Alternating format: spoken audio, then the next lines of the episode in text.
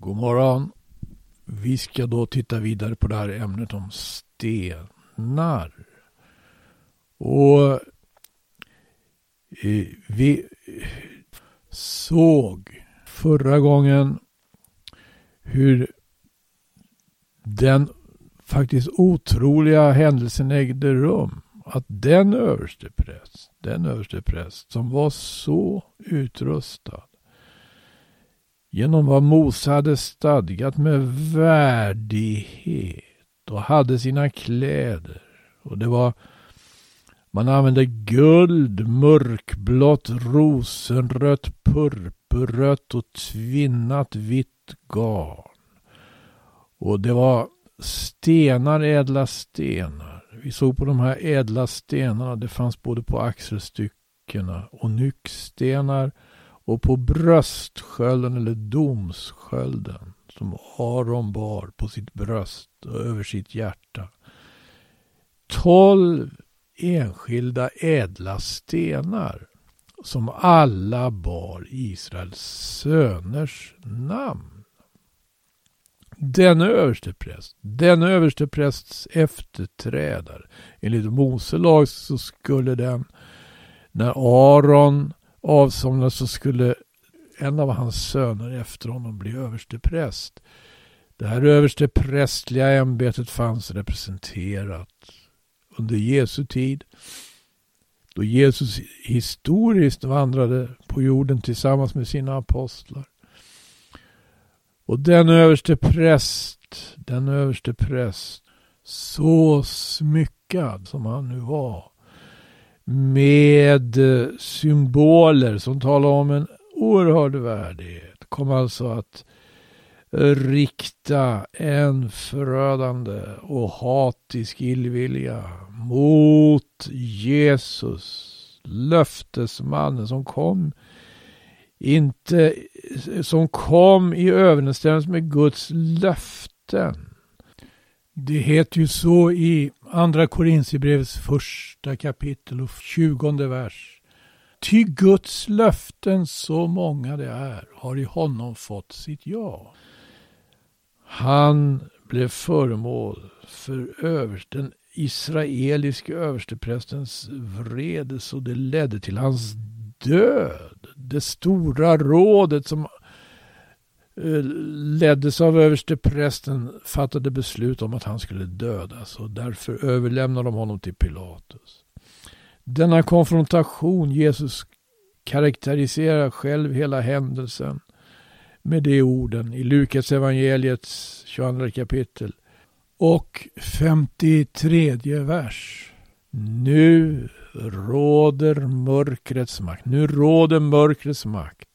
Varför ville Gud göra detta? Varför ville han mörkrets makt för? Varför skulle mörkrets makt på det sättet få spela ut? Jo, det här var faktiskt vad vad på, på det här sättet så övervann Gud i sin visdom djävulen själv. Djävulen som i begynnelsen hade en oerhört hög och förnäm ställning. Och innan han föll. Vi kan läsa om det här i Hesekiel i kapitel 28. Det är 28 kapitlet i Hesekiels bok. Vi ska titta på nu. Och jag läser inte hela kapitlet utan jag läser från vers 1 till och med vers 19. Det står så. Och Herrens ord kom till mig, han sa. Du människobarn, säg till försten i Tyrus. Så säger Herren, Herren, eftersom ditt hjärta är så högmodigt och du säger jag är en gud, ja på ett gudasäte tronar jag mitt ute i havet. Du som dock är en människa och icke en gud. Hur mycket du än i ditt hjärta tycker dig vara en gud. Och sant är att du är visare än Daniel. Ingen hemlighet är förborgad för dig. Genom din vishet och ditt förstånd har du skaffat dig rikedom. Guld och silver har du skaffat dig i dina förrådshus. Och genom den stora vishet varmed du drev din köpenskap har du ökat din rikedom. Och så har ditt hjärta blivit högmodigt för din rikedoms skull. Därför säger Herren, Herren så. Eftersom du i ditt hjärta tycker dig vara en Gud. Så därför ska jag låta främlingar komma över dig, det grymmaste folk.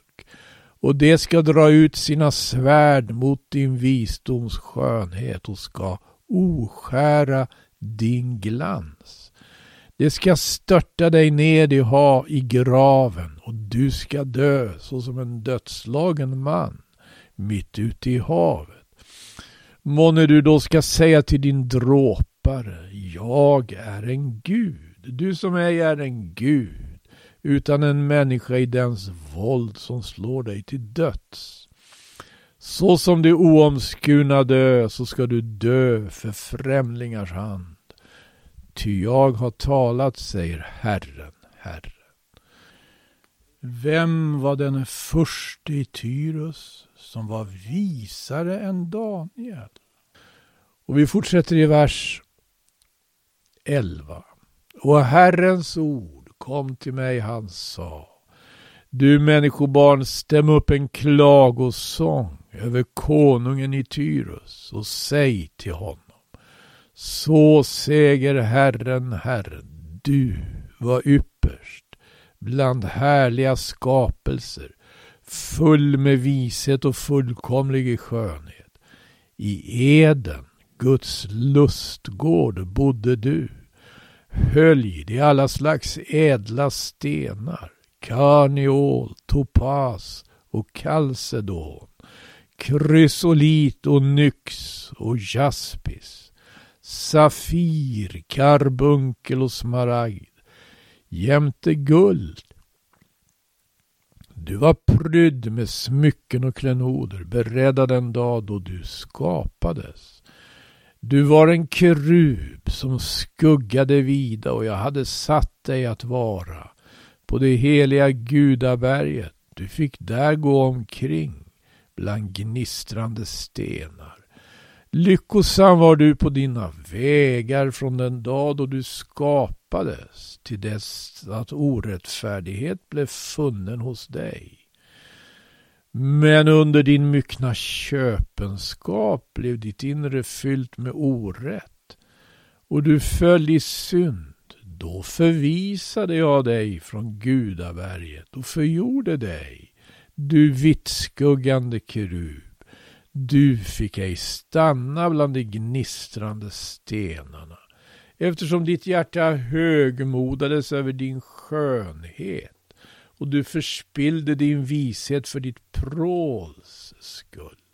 Därför slog jag ner dig till jorden och gav dig till pris åt konungarna så att de fick se sin lust på dig genom dina många missgärningar vid din orättrådiga köpenskap. Ohelgade du dina helgedomar. Därför lät jag eld gå ut ifrån dig och av den blev du förtärd. Jag lät dig ligga såsom aska på jorden inför alla som besökte dig. Alla som kände dig bland folken häpnade över ditt öde. Du tog en ände med förskräckelse för evig tid. Vi har läst här om två olika personer. Dels är det försten i Tyrus, dels är det konungen i Tyrus. Och det finns en tolkning, och jag är nog inne på det, att Försten i Tyrus handlar om den historiske försten i Tyrus. Som en gång fanns. Och Tyrus, med Tyrus hela rike som omstörtades och sjönk som ett skepp i havet enligt kapitel 27 av Hesekiels bok. Men så har vi konungen i Tyrus och det är inte riktigt samma sak med honom. Försten i Tyrus han bor ju ute i havet. Och det var väl där Tyrus befann sig. Men konungen i Tyrus bodde, står det i Edens lustgård. I Edens lustgård. Det här talar om själva begynnelsen. Det talar om den begynnelse som vi finner skildrad för oss i första Moseboks andra kapitel. Där det fanns alltså en lustgård i Eden österut. Där kontakten mellan himmel och jord var fullkomligt upprättad och total. Och Gud själv, står det, vandra i den lustgården. Och hans änglar hade uppdrag i den lustgården. Och jag hör alltså till de som menar att denne konung i Tyrus, det är egentligen eh, Lucifer. Det är Satan innan han föll. Och vi kan läsa att han var höljd i alla slags ädla stenar. Höljd i alla slags ädla stenar. Och att han var lyckosam, står det, på sina vägar från den dag då han skapades. Till dess att orättfärdighet blev funnen hos dig. Här har vi en beskrivning av djävulen innan hans fall, men också av själva fallet såsom sådant. Eh, I Lukas evangeliets eh, tionde kapitel sänder ju Jesus ut sina lärjungar. 72 av dem med samma uppdrag som han tidigare hade sänt ut 12. Att de skulle bota sjuka, driva ut onda andar och förkunna att himmelriket var nära. Och det står i den eh, i, det står i den sjuttonde versen där att de 72 kom tillbaka uppfyllda av glädje och sa Herre, också de onda andarna är oss underdåniga genom ditt namn. Då sa han till dem, jag såg Satan falla ned från himmelen såsom en ljungeld. Se, jag har givit er makt att trampa på ormar och skorpioner och att förtrampa all ovännens härsmakt och han ska icke kunna göra er någon skada. Dock gläds icke över att andarna är er underdåniga utan gläds över att era namn är skrivna i himmelen. Ja, det här var vad, vad vi hörde och det är ju ganska oerhört. Vad säger han? Jesus när han får höra att lärjungarna blir så glada då de har haft framgång i sin verksamhet. Jag har hört om Satan, att han föll från himlen såsom Nej, han säger Jag såg Satan falla ner från himlen såsom en djungel. Och här får vi ju faktiskt nästan, jag känner som Jesu lärjungar förmodligen kände i båten när han stilla stormen. Vem är han? Vem är han? Vem är denne att till och med vindarna och sjön är honom lydiga? Vem är denne som inte bara har läst någonstans? om Satan och Satans fall, utan som själv såg Satan falla ned från himmelen. Så som en djungel. Innan vi går vidare nu med Hesekels 28 kapitel så tänkte jag eh, stanna lite grann inför just hur frågan om ädla stenar behandlas i evangelium. Eh, det finns eh, liknelser av Jesus. Eh, där han undervisar om i alla fall pärlor. Det går att hitta den här liknelsen i Matteus evangeliets 13 kapitel och 45 vers. Han säger så här. Medan han undervisar om himmelriket i olika liknelser så säger han ytterligare är det med himmelriket såsom när en köpman söker efter goda pärlor. Och då han har funnit en dyrbar pärla går han bort och säljer vad han äger och köper den. En köpman som söker efter goda pärlor. När jag tänker på Jobs bok och kapitel 28 där. Där det står om Eh, vilken möda som gruvarbetare kan ha med att eh, gräva fram skatter ur jorden. Det står i 28 kapitlet i Jobs bok bland annat så i fjärde versen. Där spränger man schakt långt under markens bebyggare. Där färdas man förgäten djupt under vandrarens fot.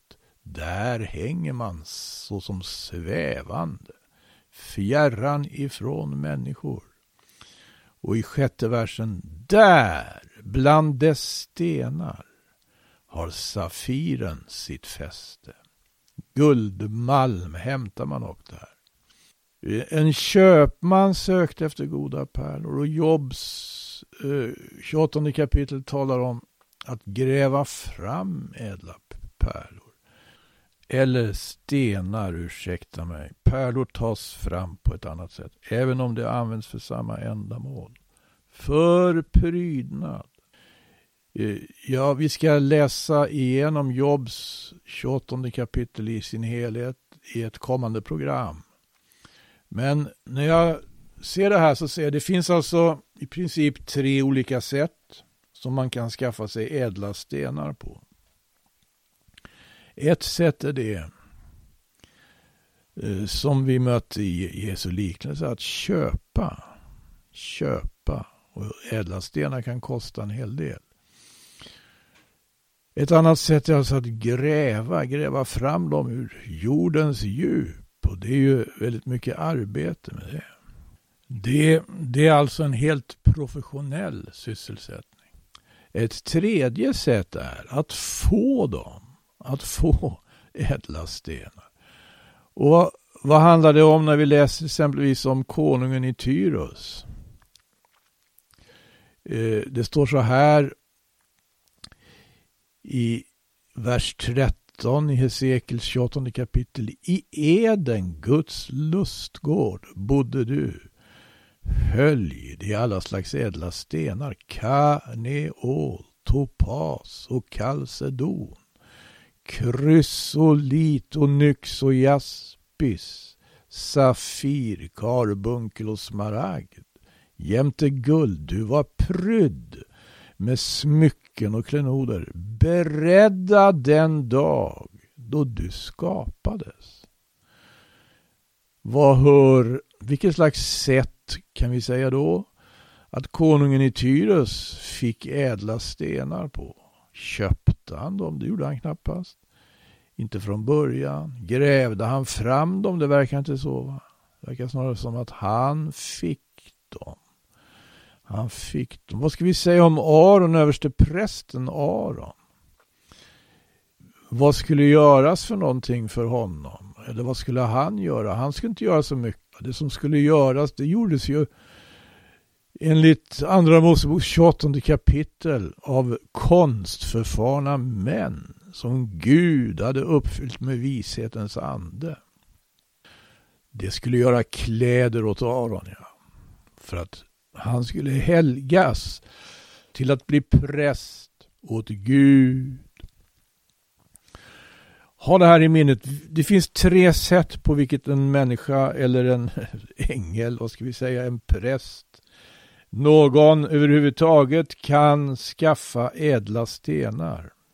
Ett sätt är att gräva fram dem själv. Ett annat sätt är att köpa dem.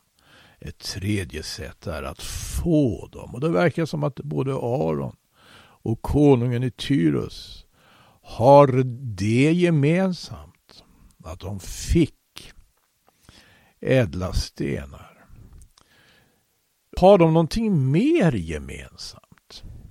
Har konungen i Tyrus som presenteras som en krub som existerade i begynnelsen i Edens lustgård. Någonting mer gemensamt med översteprästen Aron. Som eh, kallades av Gud efter att eh, Israel hade varit i egyptisk fångenskap i över 400 år, i alla fall bott i Egypten. i över 400 år. Och de blev ju efterhand förslavade där till dess Gud sände Mose och Aron. Mose och Aron. Mose hade lite svårt när det gällde att föra språket.